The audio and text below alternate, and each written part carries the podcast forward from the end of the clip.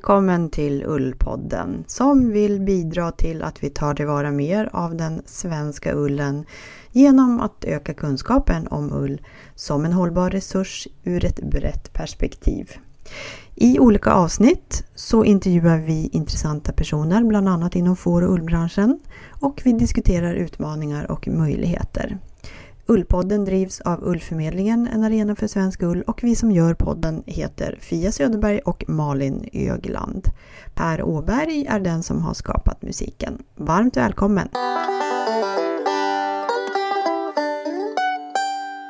Hej och välkommen till avsnitt 8 av Ullpodden. Idag är det jag, Fia Söderberg, som finns här tillsammans med Malin Ögland. Idag ska vi prata om att det är ett nytt år och en ny start för Ullpodden och vi ska prata om frukostseminarium som vi var på och har varit på, fast på olika platser i landet. Biolyftet som har lett fram till ganska många nya tankar för oss kring användningen av svensk ull. Och det ska vi prata mer om. Vi har också en intervju med Cecilia Tall som är generalsekreterare i Teko som alltså är Sveriges bransch och arbetsgivarorganisation för textil och modeföretag. De jobbar ju mycket med framtidens mode och textil där nyckelordet hållbarhet får ett allt större utrymme. Vi har också månadens fåras som idag är texelfåret.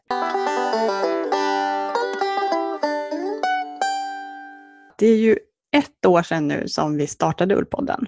Och, eh, vad roligt det har varit och vi vill ju fortsätta, så därför är vi ju här igen. Men det är lite nya förutsättningar, för vi har ingen projektfinansiering i år. Så därför så söker vi sponsorer. Precis. Förra året, ska vi väl upprepa igen då, så, så fick vi ett bidrag från Nämnden för hemslöjdsfrågor. Men eftersom projektet blev så lyckat och att det var så otroligt många fler personer som ville lyssna på Ullpodden så vill vi gärna fortsätta utveckla podden.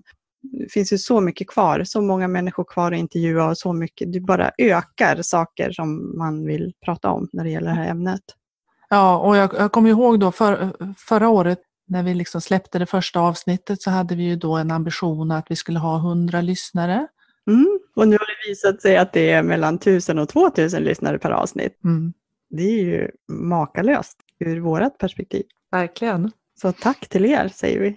Ja, men vi söker ju sponsorer inom de här branscherna. Fårnäringen, hantverksbranschen, näringsliv i stort. Vill du veta mer om du representerar ett företag eller en organisation som skulle vilja sponsra Ullpodden så antingen så mejlar du till fia.ullförmedlingen.se ullformedlingen.se eller gå in på Ullförmedlingens webbplats där det finns mer information om hur man kan anmäla sitt intresse för att sponsra podden. Så varmt välkommen! Då ska vi presentera Ullpoddens första, allra första sponsor. Jätteroligt tycker vi. Sponsor för det här avsnittet då är Henrietas Spinn och Garn i Karlskrona.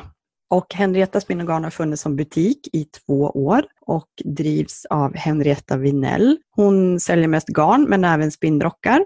Och hon vill gärna att hennes butik ska bli en naturlig samlingspunkt på orten. Så ibland så bjuder hon dit författare och hon har också haft besök av spinnaren Stefan Moberg till exempel.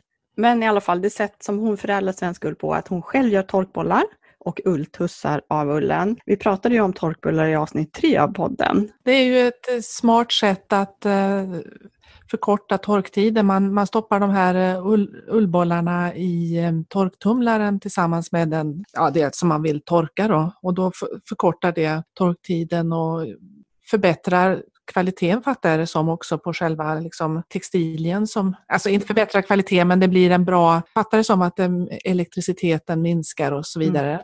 Och att de blir mjukare. Ja, just det. att man kanske inte behöver använda sköljmedel till exempel. Nej, precis. Och så sen att man sparar energi eftersom det blir kortare tid att, att torka kläderna. Ja. Och, och vi provade ju aldrig det där för ingen av oss hade ju torktumlare. Nej. Men eh, det är många som vittnar om att det verkligen fungerar. Och då är det eh, ett erbjudande hon har? Ja, precis. Hon har alltså ett erbjudande då, särskilt till er som lyssnar, till Ullpoddens lyssnare. Och Eh, då är det följande erbjudande att ni kan köpa 10 torkbollar men betala för 8.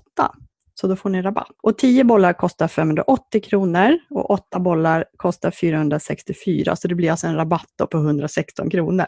Eh, och sen tillkommer lite frakt. Men bollarna levereras i en liten bomullspåse. Så där har ni lite rabatt på torkbollar. Man kanske kan ge bort lite som present. Och det här var alltså Henriettas Henrietta Spinn och Garn i Karlskrona och man beställer via e-post. Det finns alltså, det är ingen webbutik som man går in i, utan man beställer alltså via e-post enklast och då är det info henrietas.se och man kan gå in på, på hemsidan och titta mer på www.henriettas.se. Och de här ulltussarna hon gör, det är ju också sådana som man använder i påskriset istället för fjädrar och de är ju väldigt populära.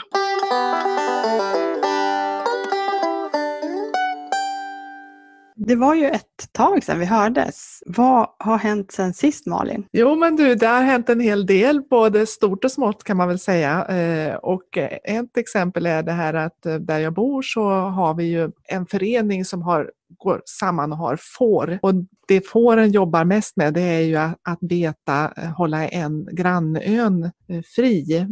Eh, och, och de har inte egentligen haft fåren för, för ullens skull. Men nu har vi mm. börjat titta lite granna på, på ullen och jag var lite sådär tänkt att det går nog inte att ta, ta rätt på ullen eftersom det är så mycket enbuskar ute på den där ön som de mm. betar på. Och sen så var det ju den här sommaren så jag var osäker på om de hade verkligen fått tillräckligt. Men när vi tittade på ullen så, så ser den ganska fin ut. Så nu håller vi på och väger och sorterar och mäter lockarna och så. För att de har varit väldigt långa lockar så jag har mejlat med några spinnerier och, och frågat hur lång hur långa får de vara, lockarna och sådär. Mm. Så men det verkar som att vi får ihop eh, i alla fall eh, dryga 10 kilo som vi ska skicka iväg mm. och det känns ju jätte, jättespännande och kul verkligen. Vad kul! Och ja. då, gör, då gör ni garn då? Ja, det har vi tänkt. Ullen. Ja, och ja. Vad, vad, gör ni med garnet sen då? Kommer hela ön börja sticka av det eller ska ni sälja vidare? Eller? Det vet vi inte riktigt. Eftersom det här är en förening så vet vi inte riktigt hur vi ska lösa det här. Om det är, om det är föreningen som ska ha hand om garnet eller om det är vi som privatpersoner som ska ha hand om det och sådär. En, en stor del har vi ju också diskuterat, vad ska garnet heta? Ska det heta mm. Aspergarnet eller rivegarn? Så. Ja. Ja, vi, vi, får se om det blir något garn. Det kanske inte är så fin ull som vi tror. Det mm. ska bli väldigt spännande. Ja, det blir jättekul att höra hur det går när du får tillbaka det.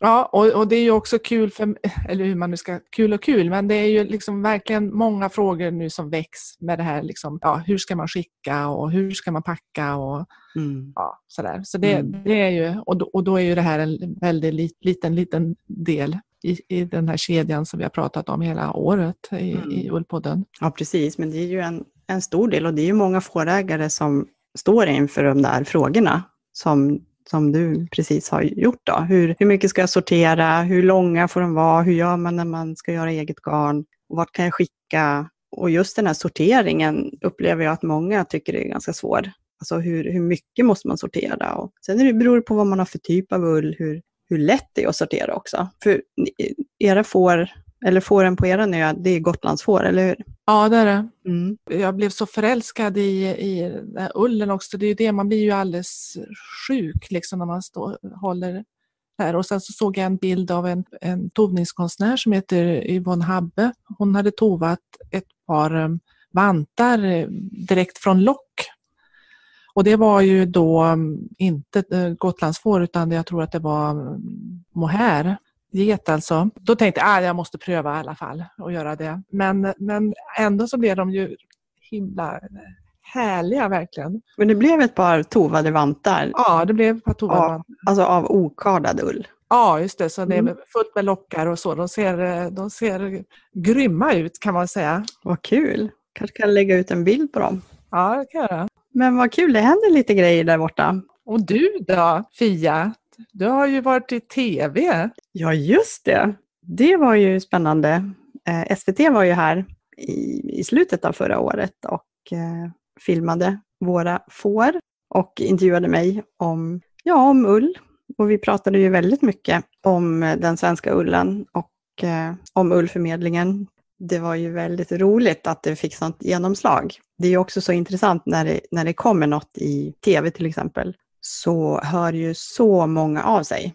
Det kan jag ju intyga. Jag satt ju här och pöste och var jättemallig för att jag, mm.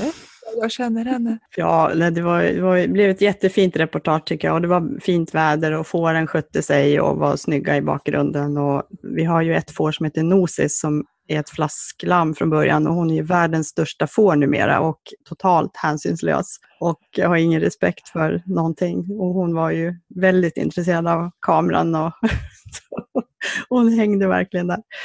Det var jätteroligt att, eh, att det kom ett sånt fint reportage. Det finns ju otroligt mycket som man skulle kunna prata om när det gäller svensk ull i media. Och det var ju också så många som hörde av sig och ville lösa alla de här problemen. Och det var ju fantastiskt att man får så mycket, så mycket kontakt så, så fort liksom, man får plats i media.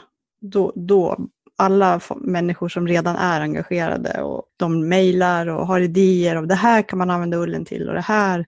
Så jag har ett helt gäng med mejl ifrån människor som, som hörde av sig. Då. Och många kommer jag att ta kontakt med förstås i, i arbetet. Men sen dök ju Ullpodden upp också i ett samtal eh, i radion i Epstein och Nordegren. Just det. Ja. Det var ju Claudia Dillman som var med på en intervju där. Just det. Tillsammans med en person från Textilhögskolan i Borås. Ja visst, och det var han som nämnde Ullpodden faktiskt, så det var ju roligt. Det är kul. Ja, verkligen. Vi fortsätter jobba på det. Nej, men man märker ju också intresset för att intresset är så stort nu för svensk ull. Och man märker också hur mycket kunskap som folk behöver om svensk ull, alltså både stort och smått. Så där, där tänker jag att Ullpodden också fyller en, en ganska viktig funktion i att fylla en del av den här kunskapsluckan. Många blandar till exempel ihop skinn och ull, bara en sån sak. Ja, just det. Ull är ju någonting som man klipper från fåret en eller två gånger per år och fåret lever. Och skinnet är ju det som blir över efter slakt som blir ett fint pälsskinn som man kan lägga i soffan. Man blir lite förvånad när folk inte vet skillnaden, men samtidigt så, har ju vi en uppgift att prata om det och jag menar fånga upp vart de här kunskapsluckorna finns. Liksom. Ja. Hos gemene man. Jo, jag, jag tänkte också på, i, i, jag intervjuade ju eh, Cecilia Tall mm. från Teko och, eh, och då säger ju hon där att 60 eh, procent utav textilproduktionen är ifrån polyester, 30 procent är från bomull och sen är det 10 procent som är övrig tillverkning. Vi, vi pratar om ull och ull och ull, liksom och så, men, men utav den totala textilproduktionen så är liksom ullen som väldigt liten del. Mm. Mm. Vi ska prata mer om det sen. Mm. Jätteintressant ämne tycker jag. Mm. Då ska vi prata om det här med biobaserade material och, och våra tankar kring svensk ull som vi fick efter på de här frukostarna med Biolyftet. Men först kanske vi ska berätta vad Biolyftet är. Biolyftet hjälper företag att ställa om till eh, biobaserade eller förnyelsebara material i sina produkter. Det är något som heter Bioinnovation som driver det, som faktiskt är ett forskningsprojekt med koppling till teko. Ja. Allt hänger ihop här. Biolyftet då, då eh, har bjudit in till ett antal eh, frukostmöten i Sverige på ja, tiotal olika platser i alla fall och där man då har bjudit in eh, företagare på orten och då är det företrädesvis små och mellanstora företag för att hjälpa dem att ehm, ställa om till biobaserade eller förnyelsebara material i, i de produkter som de har. Och då, vi var ju på olika orter du och jag. Mm. Ehm, men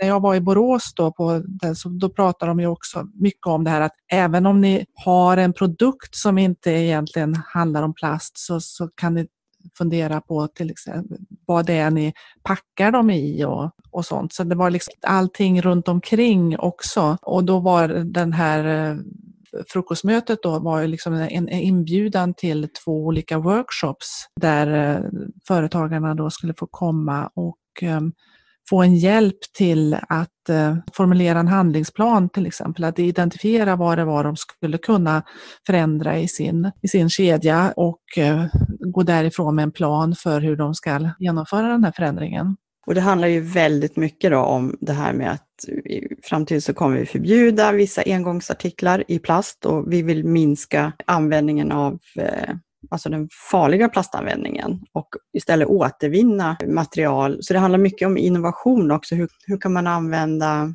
material i nya situationer? Till exempel, mm. det finns ju förbud på gång till exempel i plaster i bomullspinnar, plastbestick, plasttallrikar, sugrar och så vidare. Mm. Och de här produkterna kommer ju i framtiden behöva vara framställda av mer hållbara material. För mm. engångsartiklar kommer vi fortsätta använda. Så det är mycket det det här handlar om. Men det handlar väldigt mycket om textilier också. Att hantera mm. textilier och eh, alla dessa kläder som vi använder och slänger, att återvinna mm. de textilier från de kläderna och kanske i helt nya sammanhang som, som vi inte har tänkt på tidigare. Så att mm.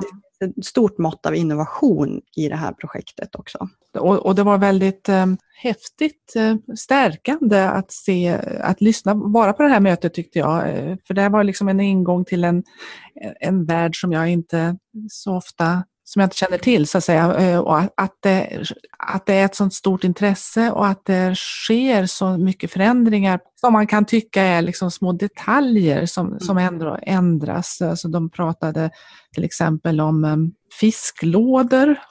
Mm, att de ersätter frigoliten. Uh, man pratade om en typ av drickamugg, alltså sådana engångs um, eh, latte, kaffe typ sånt, mm. eh, som var ny. Och, så det var massa sådana här saker, men också så var det ju liksom då att, eh, att Volvo till exempel eh, tänker sig att 2025 ska de ha 25 procent återvunnen plast i varje tillverkad bil. Mm. Just det, det var intressant att många av de här stora företagen jobbar stenhårt på det här.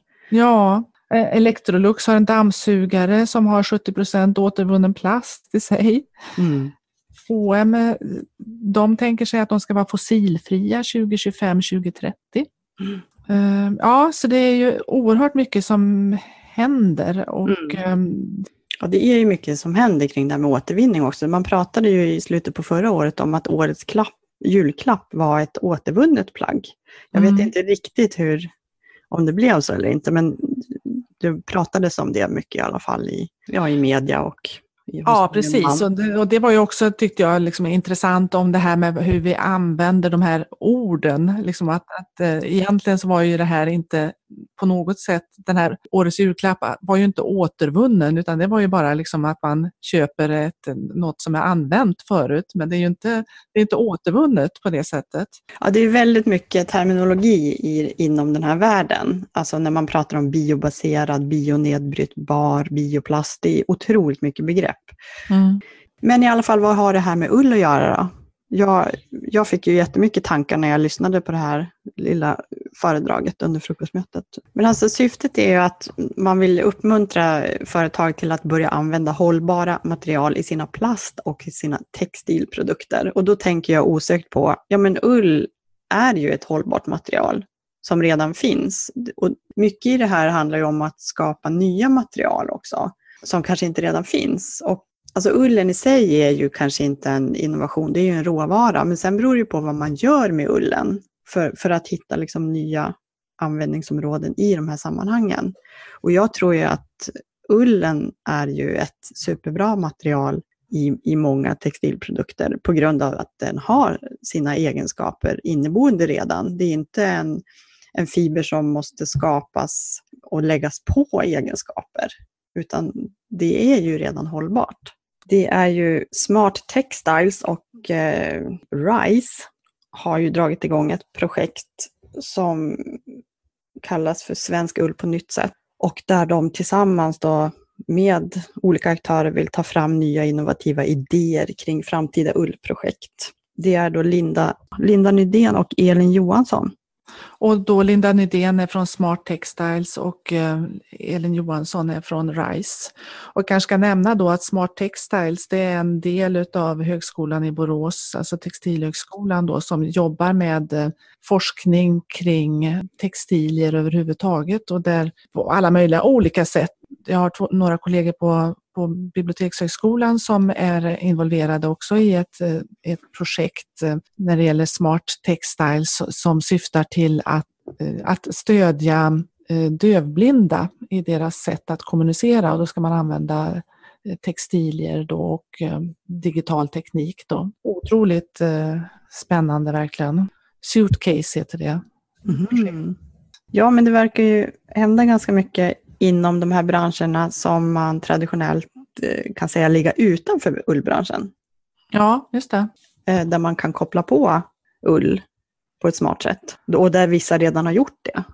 De ser att det här är en resurs som kan användas på något sätt, men de, liksom vi, fastnar lite i att, ja, hur går vi vidare då? Så. Ja, precis. Alla liksom, så, så stannar vi liksom i steget där, ja men hur ska vi få ihop det då? Det här som vi pratade om det här med liksom, hur, hur, ska vi samla in, hur ska vi veta att vi har en mm. lämplig kvalitet och mm. vem gör vad? Mm. Någonstans tror jag ändå att det finns kanske en liten annan typ av handlingskraft och potential om det kommer initiativ från de här andra branscherna. Tror jag. Det ja. finns lite andra muskler, det finns lite andra förhållningssätt, andra, kanske andra finansieringsmetoder, möjlighet ja, till forskning och utveckling på ett, annat, på ett nytt sätt. Nu kanske är läge att lyssna på den här intervjun med Cecilia Tall. Mm, det tycker jag låter som en bra idé. Då vill jag passa på att säga att ni kommer att höra lite knaster här, men hoppas att inte det ska stå i vägen för det här.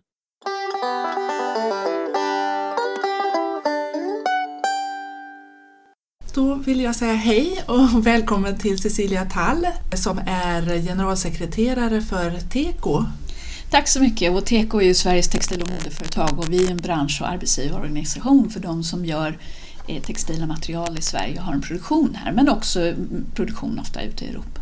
Ja, och, och då medlemsorganisation, det betyder alltså att... Eh... Precis, vi är ju en icke vinstdrivande organisation så att vi, vi har medlemmar och hjälper dem med olika frågor inom textil. Eh, och det kan också vara att vi tittar på liksom kommande lagstiftningar, vi ser eh, vad som händer, vi hjälper dem med märkning av textila produkter och, och eh, om man vill börja exportera till Japan så tittar vi på vad, vad finns det för frihandelsavtal med dem och hur ska man göra det och, och sådana saker. Ja. Men också att vara ett stöd för för de svenska lagstiftarna när man pratar om, om textila produkter. Man pratar kanske om producentansvar eller andra saker som är, är på tapeten just nu. Ja, det finns ett stort intresse ifrån modeindustrin att använda svensk ull men det stöter på patrull när det gäller att ta fram ett, eh, ett material som, som är användbart, alltså tillräckligt tunn, eh, tunt spunnen garn helt enkelt. Och där kan man säga så här att, att om vi tittar på, på liksom användningen av fiber idag så är ju ungefär 60 procent polyester och sen har vi de andra 40 procenten delas mellan bomull som är ungefär 30 procent och sen är det 10 procent andra material. Eh, vi kommer att bli väldigt, väldigt många fler. Vi ser fram emot en, en värld där vi kanske blir borta 10 miljarder människor och ännu fler utav dessa kommer att vilja ha kläder.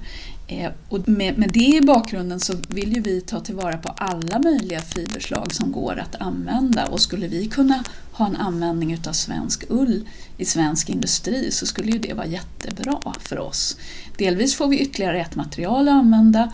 Eh, vi har en, en industri som idag använder ull men inte i någon utsträckning från, från svenska leverantörer därför att inte själva leverantörskedjan egentligen finns uppbyggd. Nej, precis. Så att det, det är ju någonting som önskas. Och sen eh, de konsumenter och framtidens konsumenter tror ju vi kommer att vilja ha mer av en insyn i hur materialen har framställts, hur plaggen har framställts. Och då är det ju ganska enkelt att börja i närområdet. Då vet man kanske att, att det svenska får, då har de behandlats enligt svensk djurlagstiftning och sen har man klippt dem och sen har man då kanske haft eh, människor som har producerat eh, själva fibern här. Det gör ju att, att det blir en mycket, mycket enklare leverantörskedja än den som man kanske har idag. Många säger då är att man vill ha ull spunnet i kamgarnsspinnerier och att vi inte har några kamgarnsspinnerier längre i, i, i Sverige. Nej, och det är klart att, att just nu så ser det ut så. Det skulle väl kanske kunna vara någonting man kan förändra framåt. Men det är väl också så att, att den ull som faktiskt spinns och framförallt i södra Europa så har man ju mycket spinnerier i Italien och, och så. Eh, kommer ju inte idag från svensk ull ändå. Eh, så att man skulle ju kanske kunna börja med att göra lite test, eh, tester på att, att spinna mm. svensk ull utomlands. Mm. Och då har vi ju några exempel det, som vi har pratat precis. om i Ullpodden ja. som som där uh, New Sweden till exempel har, har tagit fram nu en, en kollektion som de marknadsför nu i, i februari. Ja. 2019 och, eh, och där är det ju ull ifrån Jämtlandsfår som man har åkt ner till Italien och spunnit där. Men grejen är ju då att antalet får, så att säga Jämtlandsfår, är ju inte, är ju inte... Om det skulle bli en efterfrågan så skulle inte det räcka. Och, och, om man då tänker på de här, det som vi har mycket av som till exempel Gotlandsfår och andra köttraser och sånt då, där den mesta ullen slängs Precis, och där kan man ju också fundera på vad nu, nu, vill jag säga att jag är inte någon expert på får, men, men om man tänker att den ullen som vi då har mycket av, vad skulle man kunna använda den till? Då kanske inte det är den bästa ullen för precis de här svåra mm. tunnfiberapplikationerna utan att man helt enkelt hittar andra typer utav, utav eh, material där, där den ullen är lämplig. Mm. Eh, vi har ju precis, du och jag har suttit på någonting som heter Biolyftet och sett en jacka som är fylld med, med ull. Eh, den typen utav fyllnadsmaterial eller så kanske faktiskt är bättre för mm. svensk mm. ull och, och då kanske man ska försöka hitta andra användningar för att det är klart att, att det känns tråkigt att vi gräver ner mm. ull som jordförbättring och, och, så när det faktiskt är ett, ett fint material som vi skulle kunna använda. Mm. Och jag vet inte hur mycket av det här som används till kanske stoppning och, och sådana saker idag. För att det, det är ju också en möjlighet att, att man liksom anpassar produkten efter det materialet vi har. Mm. Eh, sen, sen, tycker jag ju att det vore väldigt bra om vi kunde liksom hitta rätt får för att få en, en fin ull, ull till, till svenska andra produkter. Men det kanske är en lite längre väg. Ja. Eh, och det, det är väl eh, önskvärt på sikt. Ja. Sen är det svårt att, att liksom blir hönan och ägget att, att man kan inte få upp en användning om det inte finns en leverantör. Nej, så det. är svårt för de lite större företag. För små företag är det ju inga problem för där kan man göra en kollektion i taget men om du gör väldigt, väldigt många strumpor som ska vara likadana så behöver du ju samma ull i allmänhet. Så ja. då, då, behöver man ha en kontinuerlig eh, leverans. Annars får man göra såna här specialkollektioner med svensk ull och det, det tror jag att, att många i och för sig skulle kunna vara intresserade av det också. Att man har, man har liksom en lite så, en extra. Det som vi har diskuterat också det här med att eh, är det, är det så att säga hållbart eh, att sätta igång med en utveckling utav vagnpark till exempel eh, när det kanske är liknande utveckling i Europa som vi har haft i Sverige att textilindustrin har svårt att gå runt och då kanske det liksom är bättre i ett, liksom ett e- europeiskt helhetsperspektiv så att säga, att man tänker sig att, att man har delar utav, eh, ja, om man säger att man gör en, en, en svensk, en, en tröja utav svensk eh, ull så är designen och ullen ifrån Sverige men tillverkningen har skett någon annanstans, att det är good enough. Och det, det, kan jag väl tycka också. Nu kan man väl säga så här att, att eh, om man tittar på, på, svensk text, eller på eh, svensk och europeisk textilindustri så växer vi faktiskt för första gången sedan 60-talet. Mm. Eh, och det innebär väl att fler och fler företag väljer att flytta sin produktion lite närmare där kunden finns. Sen betyder inte det att inte textilindustrin växer även i Asien och det hör ju ihop med att, att eh, den totala konsumtionen av textilier växer. Men, så att vi ser nog en ganska god framtid för textilindustrin även i Europa men också om man tittar på liksom framtidens produktionsmetoder så kommer de nog att vara mera digitaliserade och kortare leverantörskedjor och man, man också har kortare produktionstider. Just därför att man vill undvika allt för mycket överkonsumtion av varor som sen kanske måste resa ut eller hamna på lager.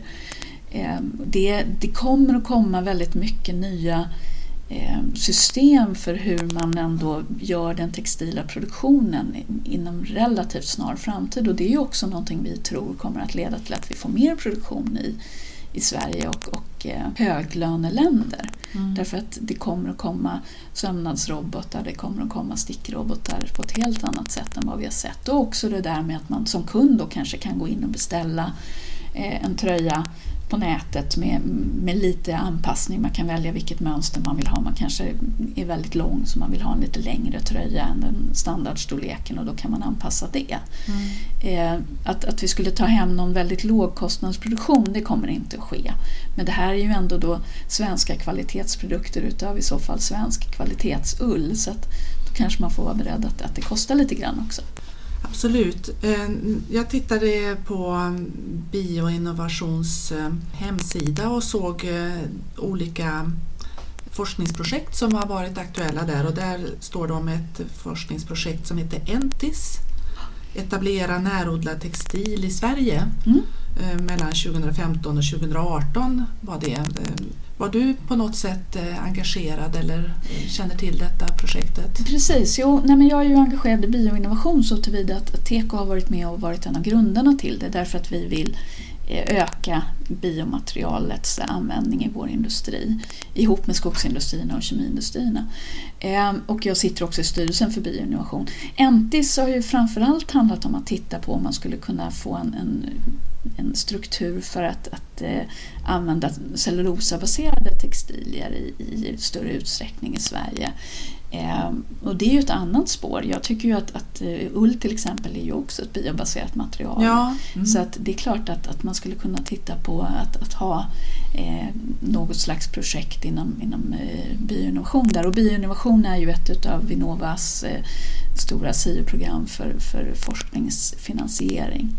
Eh, så att det tycker jag är en alldeles utmärkt idé om man kan, man kan hitta ett sätt att, att sammanföra olika aktörer längs med kedjan från kanske då de som har ullen till de som är slutanvändare. Och hur skulle man gå tillväga då? Alltså, Ska man ringa till Vinnova och säga att vi vill ha Entis 2?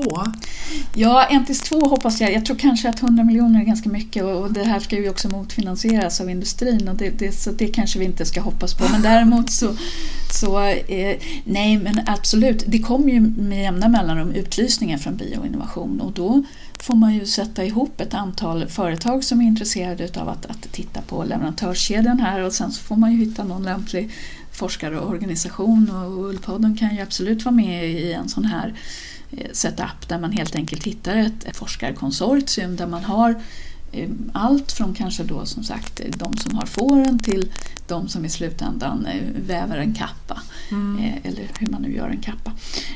Så att det, och då samlar man ihop olika intressenter och sen så skriver man en ansökan helt enkelt. Så det kan man absolut göra utan. Ja. Det, det, behöver man inte ringa Vinnova för. Nej, jag tycker ju att det, att det är roligt att vi lyfter den svenska industrin och också att vi, att vi hittar fördelarna med det som vi kan, kan göra nationellt. Mm. Så att det, det tycker jag ändå är, är viktigt och också just det här med att, att eh, det är bra att, att hitta produkter som, som man kan återanvända på ett bättre sätt än det vi gör idag. Det blir ju lite cirkulär ekonomi direkt i det. Det blir det verkligen. Ja. Så det, det tycker jag vore kul om vi kunde, kunde hitta den, den typen av material. Ja. Mm. Tack så mycket Cecilia. Ja, tack själv.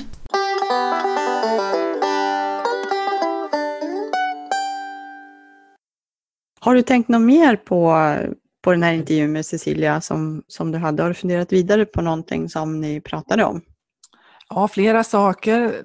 En av dem är ju det här med som hon nämner det här med robotiseringen utav eh, textilindustrin eh, och vad det, vad det kommer att innebära. Och, och, och den här, det, jag, det jag fortfarande funderar över det här med, liksom, ska, ska vi liksom bygga upp en kamgarns Eh, eller försöka få hit ett kamgarnsspinneri, är det det som är lösningen? Eller ska man liksom eh, tänka om där och, och liksom eh, forska fram vad, vad kan robotiseringen göra? Jag vet inte, liksom, på ett sätt så låter ju det här med robotiseringen som att det liksom, oj, nu kommer allting lösa sig. Men, men vad är det liksom i, i den här processen eh, från ull till garn som kan robotiseras? Är det bara ett, liksom ett annat sätt? Det, det är samma sak antagligen som måste göras. Och, och jag menar, det, det mm. finns ju liksom 3D-skrivare nu som gör eh, hus till exempel. Eh, mm.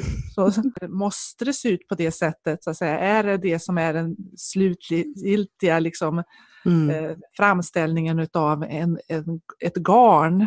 Mm. Det som vi har gjort nu. Eller finns det något annat sätt att göra det på? Jag har ingen aning. Men... Vi kanske är på väg i något helt nytt alltså som Mm. vi inte vet om än. Det kanske Mm. är ett paradigmskifte även för hantverket och även för industrin, alltså ullindustrin, som, Ja. som vi inte ens känner till. Mm. Vi, vi är ju väldigt lätt fastnar i, i hur det ser ut just nu och hur, hur det har producerats tidigare och vad som saknas eh, baserar vi ju på eh, vad, vad som har funkat tidigare och som har tagits bort. Ja, Men om man tänker framåt, vi vet ju ingenting om framtiden. Det kanske är lösningar som löser problemet fast på ett helt nytt sätt. ja, precis. Och då kanske vi inte ska låsa oss fast i lösningen och hur, Nej. utan vad vi vill åstadkomma. Det är Ja, det vi ska det. prata om. Vad, Mm. vad ska vi uppnå? Vad, och sen så får huret lösa sig. Men för att nå dit då, som Cecilia säger, så, så behöver man ju kanske ha ett forskningsprojekt eller utvecklingsprojekt och sätta samman olika expertis och, och ha lite muskler och eh, finansiering för det. Ja, Vi har ju en förstudie på gång också av Svenska Fåravelsförbundet som handlar om eh, cirkulär ekonomi och som tangerar den här ull, ull, inhemska ullindustrin. Och det har ju precis startat, men vi kommer ju få höra mer om det i Ullpodden framöver. ja, just det. Men det är ju spännande att lyssna på Cecilia tycker jag, för att man får ju lite nya tankar och också hopp tycker jag. Ja, Ja, vi behöver komma vidare helt enkelt. Ja, och jag tycker också det är intressant det här som hon sa att eh, textilindustrin i, i Sverige nu då, att den ökar första gången sedan vad det nu var 60-70-talet och att den gör det i Europa också. Och, och det är ju liksom intressant då samtidigt som, som det ju ändå är då en, en diskussion kring det här med att man inte ska konsumera så mycket och så, så vidare. För någon, en månad sedan kanske ungefär en artikel med eh, Hennes och Maurits ägare hennes och Maurits VD om klimatet, vi ska inte sluta konsumera. Just det. Och det är klart att han inte säger det, eller det, att han inte tycker det, men det som ändå är intressant tycker jag i den här artikeln, det är ju det att, att de, de också ser över hela sin produktion och leverans och allting sånt, hela sin värdekedja. Han menar ju då att eh, att de ska ha en klimatpositiv värdekedja med förnybar energi och energieffektivitet och klimatkompensation. Kan vi göra det samtidigt som vi också sluter kretsloppet av hållbara material, Mm. då finns det inget ohållbart i Hennes och Mauritz affärsmodell. Eh, Och då är ju liksom själva tanken med det här är ju då att eh, konsumtion i sig då leder till ekonomisk tillväxt. Mm. Och, och, det, och det är ju förstås liksom en, en sån där politisk eh, fråga som man kan diskutera. Men, eh, och, och, men, men det är ändå intressant tycker jag det här att, att, man, att man diskuterar det på de här olika sätten. Och han, han Mm. säger också då att jag tror att innovation är lösningen. Just det. Och inom några år tror jag att vi har återvunna material som har samma kvalitet och prisbild som konventionella material. Ja, precis.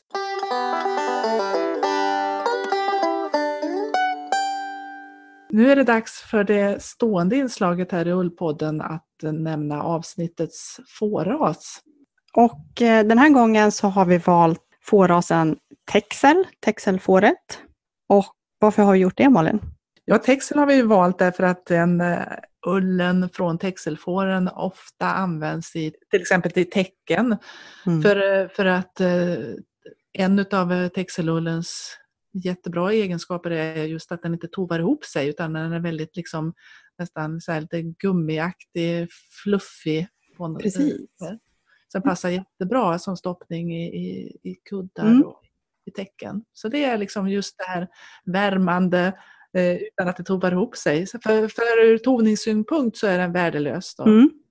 Vi ska prata lite mer sen med Ann-Kristin Hult som ska få kommentera också användningsområdet för texelullen. Texelfåret är ju också ett ganska vanligt får i Sverige, antingen som en korsningsras, att man har den för att korsa i andra raser, eller renrasig. Och det finns, det finns ungefär 1700 renrasiga attacker i Sverige och 103 olika besättningar som har texten. Så att det är ju ett väldigt vanligt får. Men det är ju inte en ursprunglig svensk lantras, eh, utan det är alltså ett eh, importerat får på 60-talet som kom från ön Texel i Holland. Där har den då korsats fram lokalt av olika ihärdiga lantraser. Ja, men nu har den ju etablerat sig som ras verkligen i, i Sverige. Om man tittar på själva fåret då, så, så är det ett medelstort vitt får som inte har ull på huvudet och inte på benen. Mule och klövar ska vara svarta. Det är ett lugnt får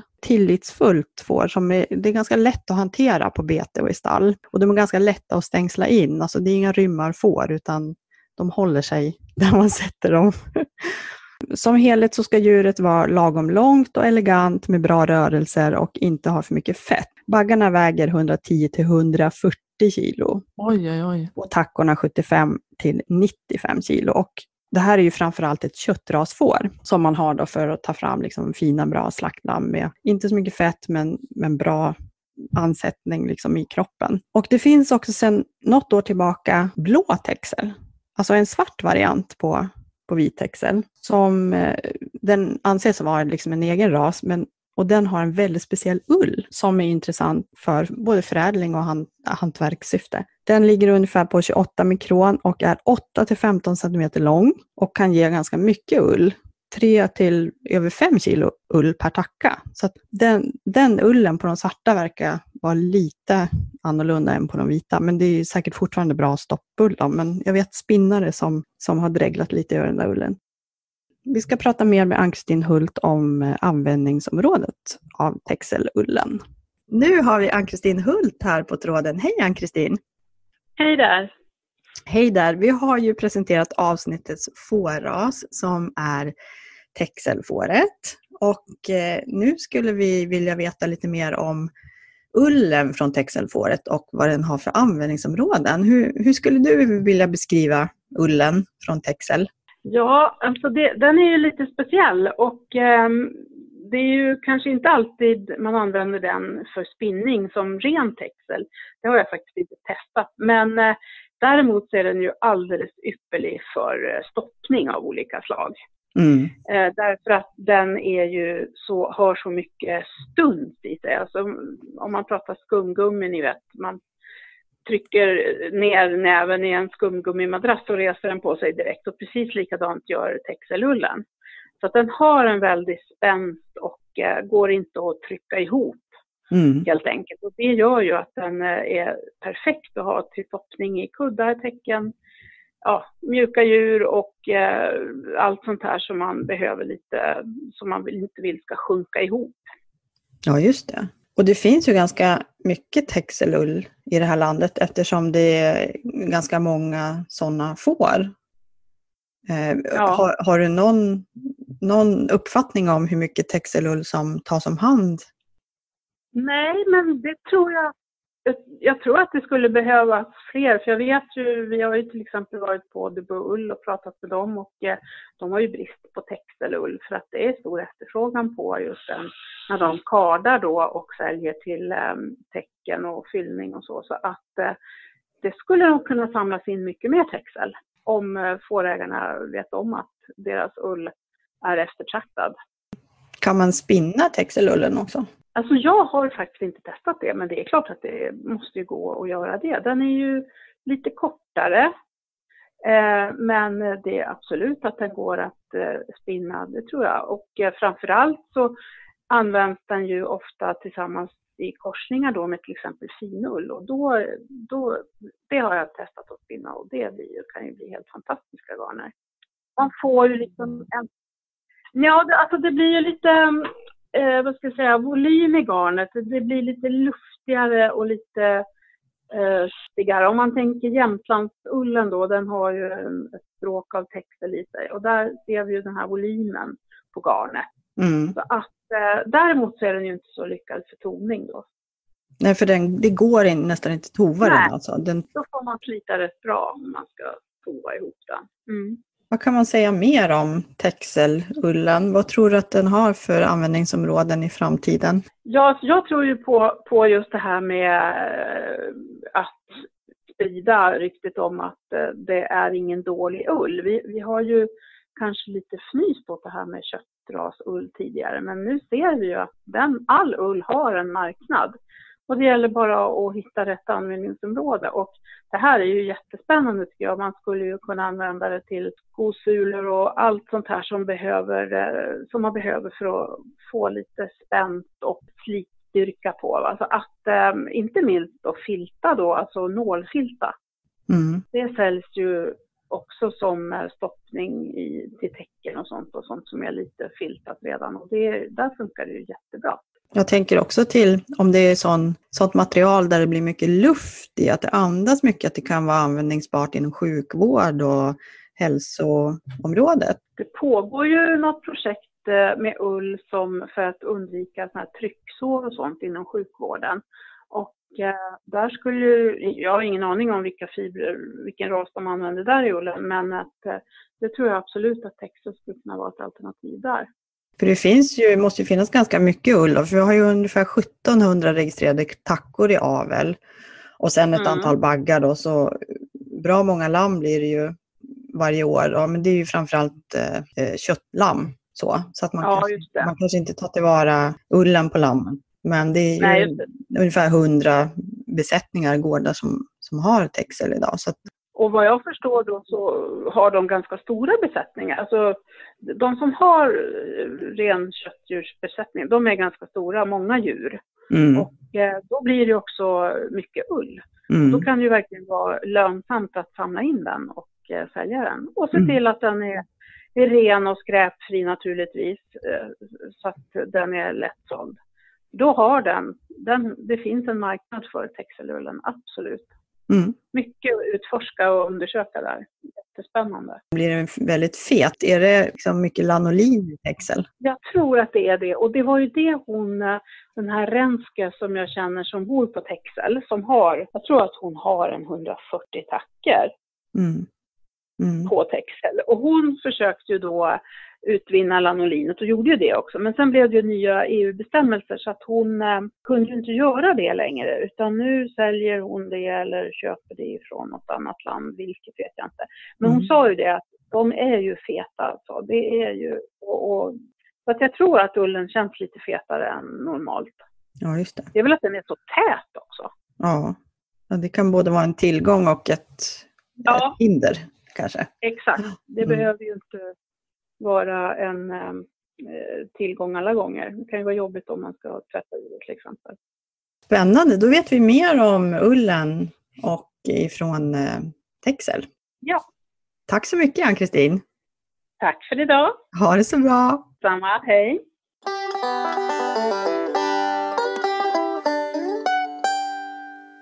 Ja, men då ska vi börja avrunda det här avsnittet. Och det har vi ju inte pratat om, men det är ju tider för fårfesten i Kil, detta enorma evenemang för Ull-Sverige. Och eh, nästa gång vi ses så kanske vi har någonting att berätta därifrån. Vad tror du Malin? Vi ska ju vara på plats. Ja, precis. Det hoppas vi att vi ska göra i alla fall. Även om vi inte lyckas med några intervjuer eller så, så mm, har vi säkert intryck Mm. som vi Lite- vill förmedla. Mm, lite rapportering. Ja. Och nästa avsnitt hoppas vi då ska komma lagom till eh, påsk ungefär. Det blir bra. Då har det nog kommit några lamm här på min gård. Det blir spännande. Pass för det också tror jag. Ja, och hos många hos er där ute förstås.